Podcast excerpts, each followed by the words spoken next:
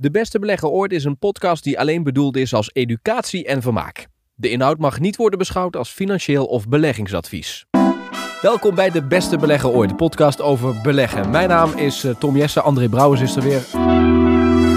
André, welkom. Ja, dag Tom. Mooie titel vind ik dit. Beleggen is veel meer psychologie dan economie.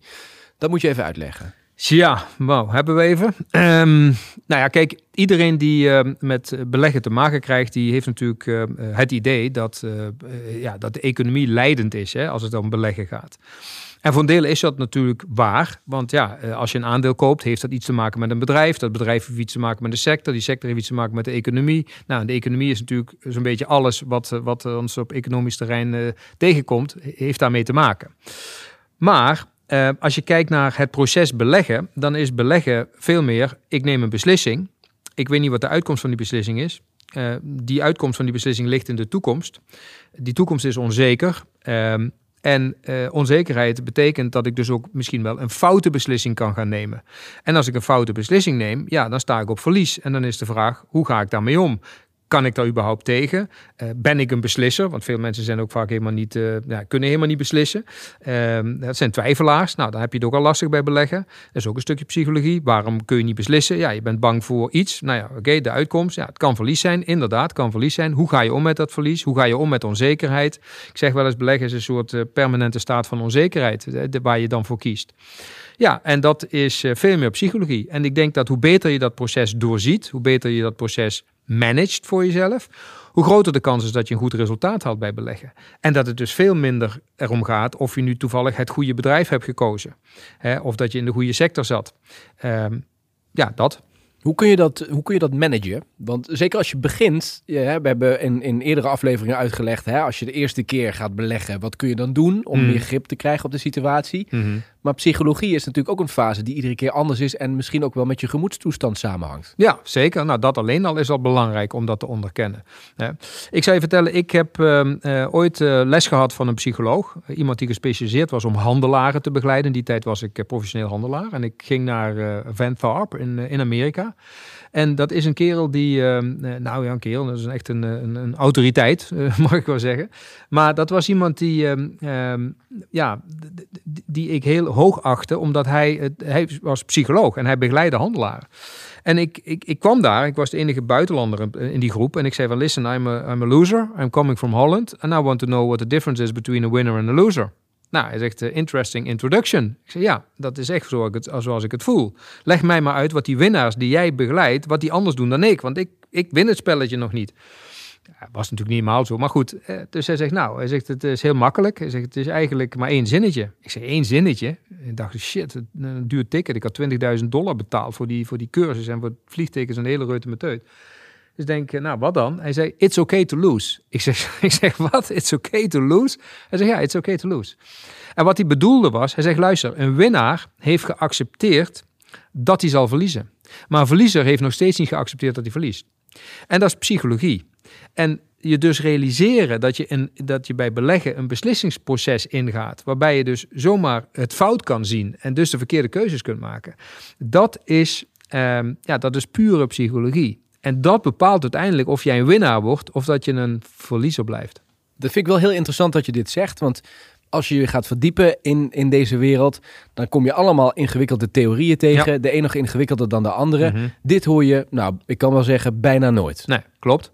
En um, ja, dat boeit mij ook altijd. En daarom heb ik ook vaak wel in debatten of in andere momenten heb ik ook wel eens uh, ja, een enorme tegenstelling tussen wat andere mensen roepen en zeggen en doen. En dan denk ik, ja jongens, jullie hangen een fantastisch verhaal op. Weet je wel, de ene econoom, de ene dokter ja. anders uh, boven de andere dokter anders. Hartstikke mooie uh, dingen. Maar ik, ik heb gemerkt dat dat niet bepalend is. En als, je, kijk, als je met mensen praat die wat langer aan het beleggen zijn. En je, en je vraagt, hè, dat vraag ik wel eens bij cursussen. vraag ik van, nou, schrijf nou eens op wat u denkt dat de succesfactoren zijn. Als ik nou beginners, uh, dat formulieren van een beginner tegenkom, dan staan er termen in. Ja, je moet het nieuws goed volgen. En je moet goede bronnen hebben. En je moet veel weten over de economie. Je moet weten wat de rente doet en inflatie en de spa. En noem het maar op. Dat soort antwoorden. Krijg je een, krijg je een ander blaadje terug. Daar staat dan op, ja, ik heb moeite met verlies nemen. Ja, soms blijf ik te lang zitten. Uh, ja, ik, ik ja, ik, als, ik, als ik in de winst zit, dan heb ik, dan heb ik altijd de neiging om nog meer te kopen. Um, ja, ik, ik heb moeite met winst nemen. Nou, dan weet ik al meteen wie ervaring heeft en wie niet. Je kunt, zo, je kunt zo eruit halen. Hoe verklaar je dat verschil? Nou ja, dat is wat ik zeg. Beleggen gaat uiteindelijk om psychologie, niet om economie. Maar oké, dat is dus die mensen die wat langer al door het gaan zijn, Ja. die hebben dat ervaren. Ja. En die, die mensen die net instappen, die hebben misschien op basis van wat ze ergens gezien hebben, denken ze, dit is belangrijk. Dit is Ja, want dat zo, zo, dat is waar je natuurlijk mee geconfronteerd wordt. Hè? Je hoort in het nieuws, je leest, Ja. eh, eh, je leest in het, nou ja, journalisten die schrijven over de beurs en dan is het ja, de rente was gestegen dus. Ja, dus precies. dat gaat altijd over dat, dat, dat proces. En over de ECB en, en de Ja. Fed en noem het allemaal maar op. Ja, en dat, kijk, en het is niet zo dat het niet, eh, niet belangrijk is. Tuurlijk, hè, de, de wereld, eh, ja, de, de, nieuws bepaalt natuurlijk ook, is input om, om gedrag van mensen te sturen. En dat nieuws is iedere keer anders. Maar het is altijd wel een soort economisch nieuws. Of politiek, geopolitiek of whatever. Maar dat, uiteindelijk gaat het erom hoe beter jij leert beslissen en dat spel leert te spelen, hoe groter de kans is dat je rendement maakt. Ja, Dus, dus het heeft veel meer zin om na te denken: wie ben ik? Hoe gedraag ik mij in dit proces? Eh, hoe kan ik mij wapenen? Wat voor denkpatroon heb ik? Hoe, hoe kan ik mij voorbereiden op bijvoorbeeld het on, onwaarschijnlijke, hè, wat ook wel eens over gehad hebben, de, de Black Swans? Hoe kan ik risico's managen? Dat is de focus. Daar, daar geef ik les over. maar stel dat mijn karakter risicomijdend is. Wat zou ik daarvan les uit moeten trekken dan, als ik ga beleggen? Nou, dan is überhaupt de vraag of jij, of jij een geschikt persoon bent om überhaupt te beleggen. Want als jij risicomijdend bent, dan is het misschien wel zo dat jij helemaal, niet helemaal geen beslissing kunt nemen. Of misschien dat jij wel heel slecht tegen je verlies kunt.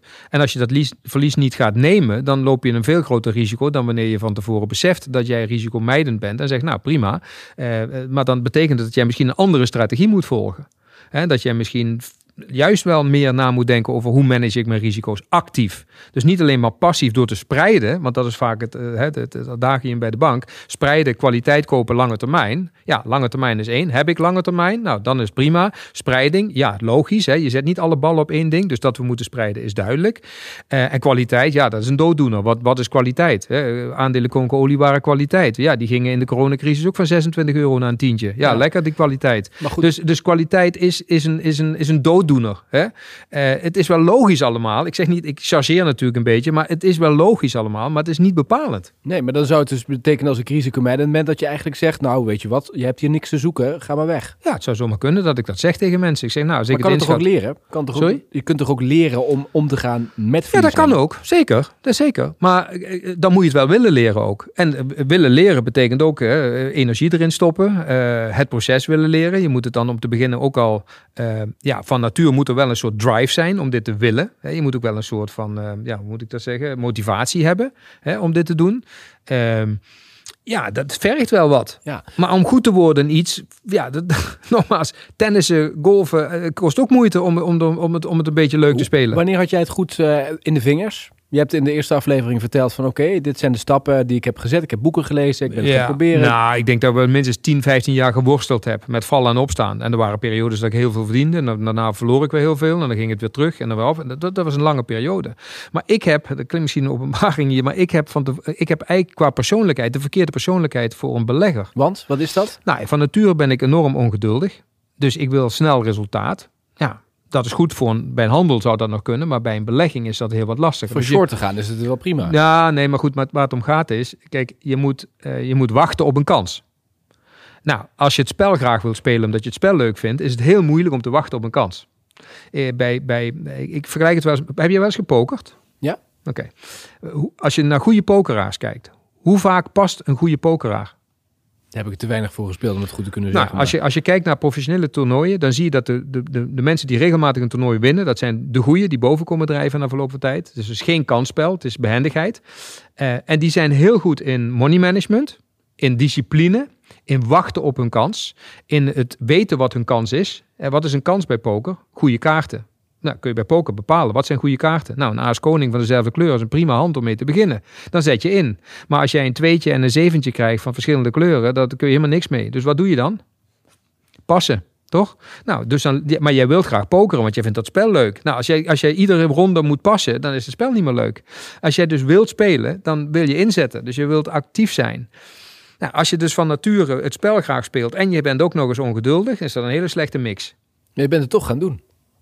Ja, dat heeft dus heel veel moeite gekost. En daarom weet ik er misschien ook zoveel van. Dat ik zelf al die fouten heb gemaakt. Ja, maar aan de andere kant, uh, André, de, de ideale situatie bestaat ook niet. Met andere woorden, Nee, die zeker. goede hand met al die goede kaarten. Ja, Ja. dit, dit komt misschien een keer voor. Maar 9 van de 10 keer heb je gewoon een slechte situatie. Ja, maar goed, maar daarom acht, acht van de tien keer, professionele pokeraars passen acht van de tien keer, hè, Tom. Die hebben dus de discipline, de zelfbeheersing om acht van de tien keer die hand weg te leggen. En te wachten op die goede kaart.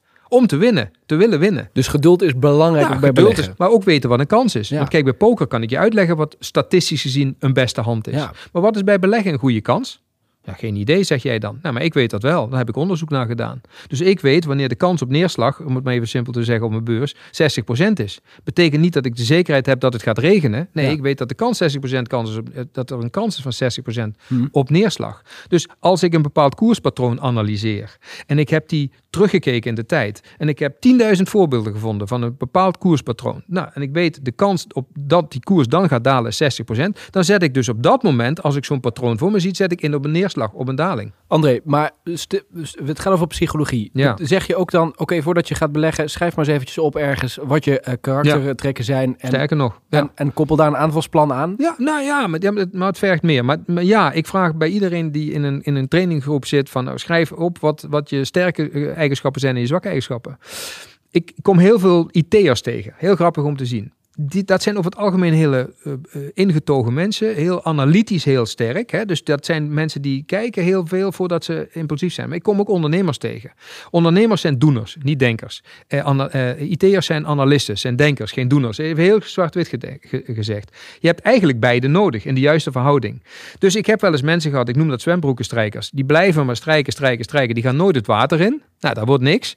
Maar je hebt ook, ik heb ook wel eens mensen meegemaakt. Heb een cursus met dat echt ooit overkomen. Er was een kerel die had een, die had een, een, een, een, een, aantal zaken, woninginrichtingzaken had hij. En ik was uit aan het leggen hoe je, eh, hoe, je een, hoe je een koers kon oproepen op het scherm. En hoe je een transactie in kon leggen. En hier is de buy-knop en de sell-knop en een ding en dat, dat. En op een gegeven moment was er rumoer in dat groepje. Ik denk, wat is er aan de hand?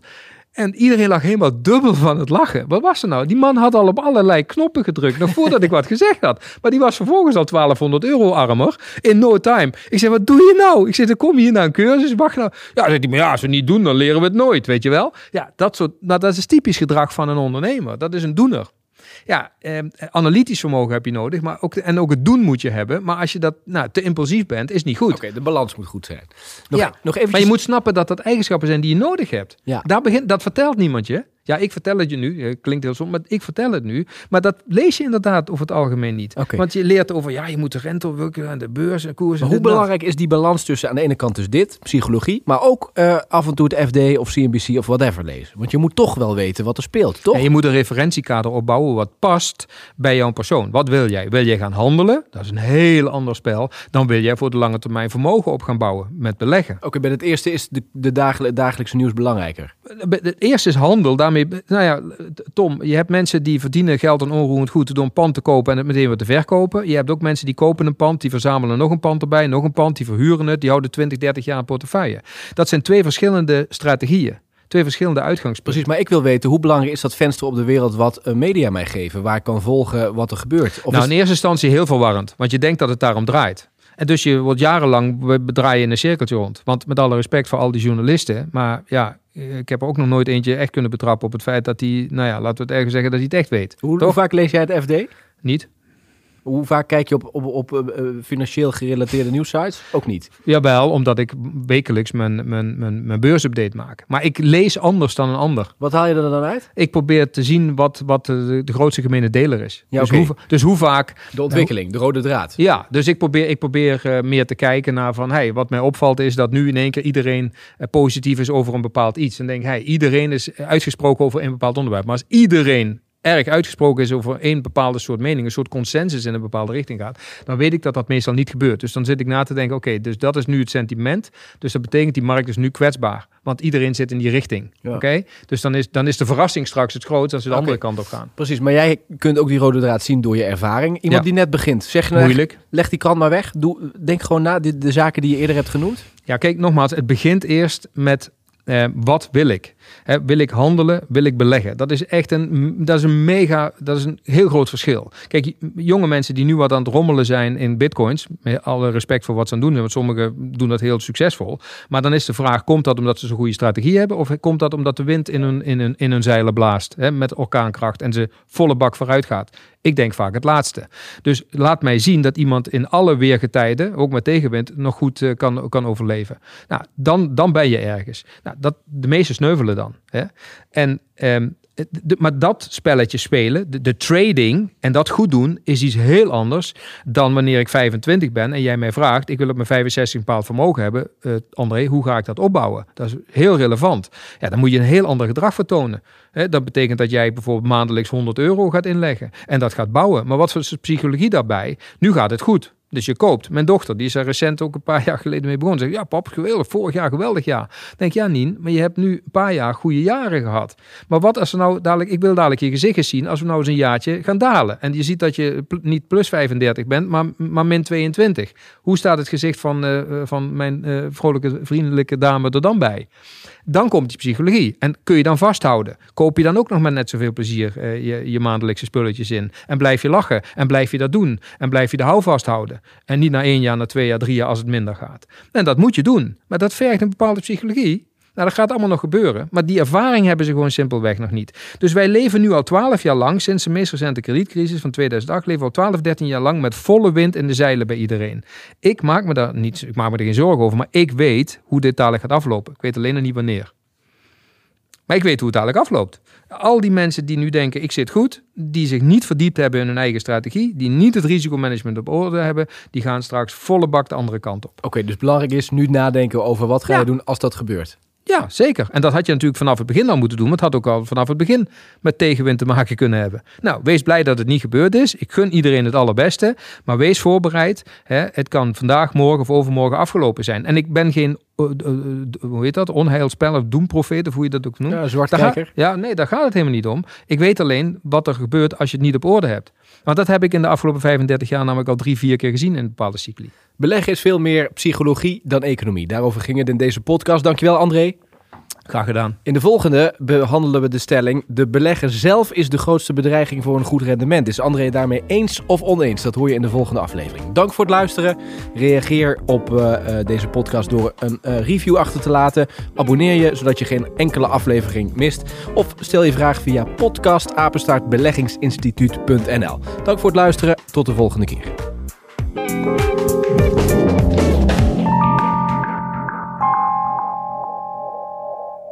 De Beste Belegger Ooit is een podcast die alleen bedoeld is als educatie en vermaak. De inhoud mag niet worden beschouwd als financieel of beleggingsadvies.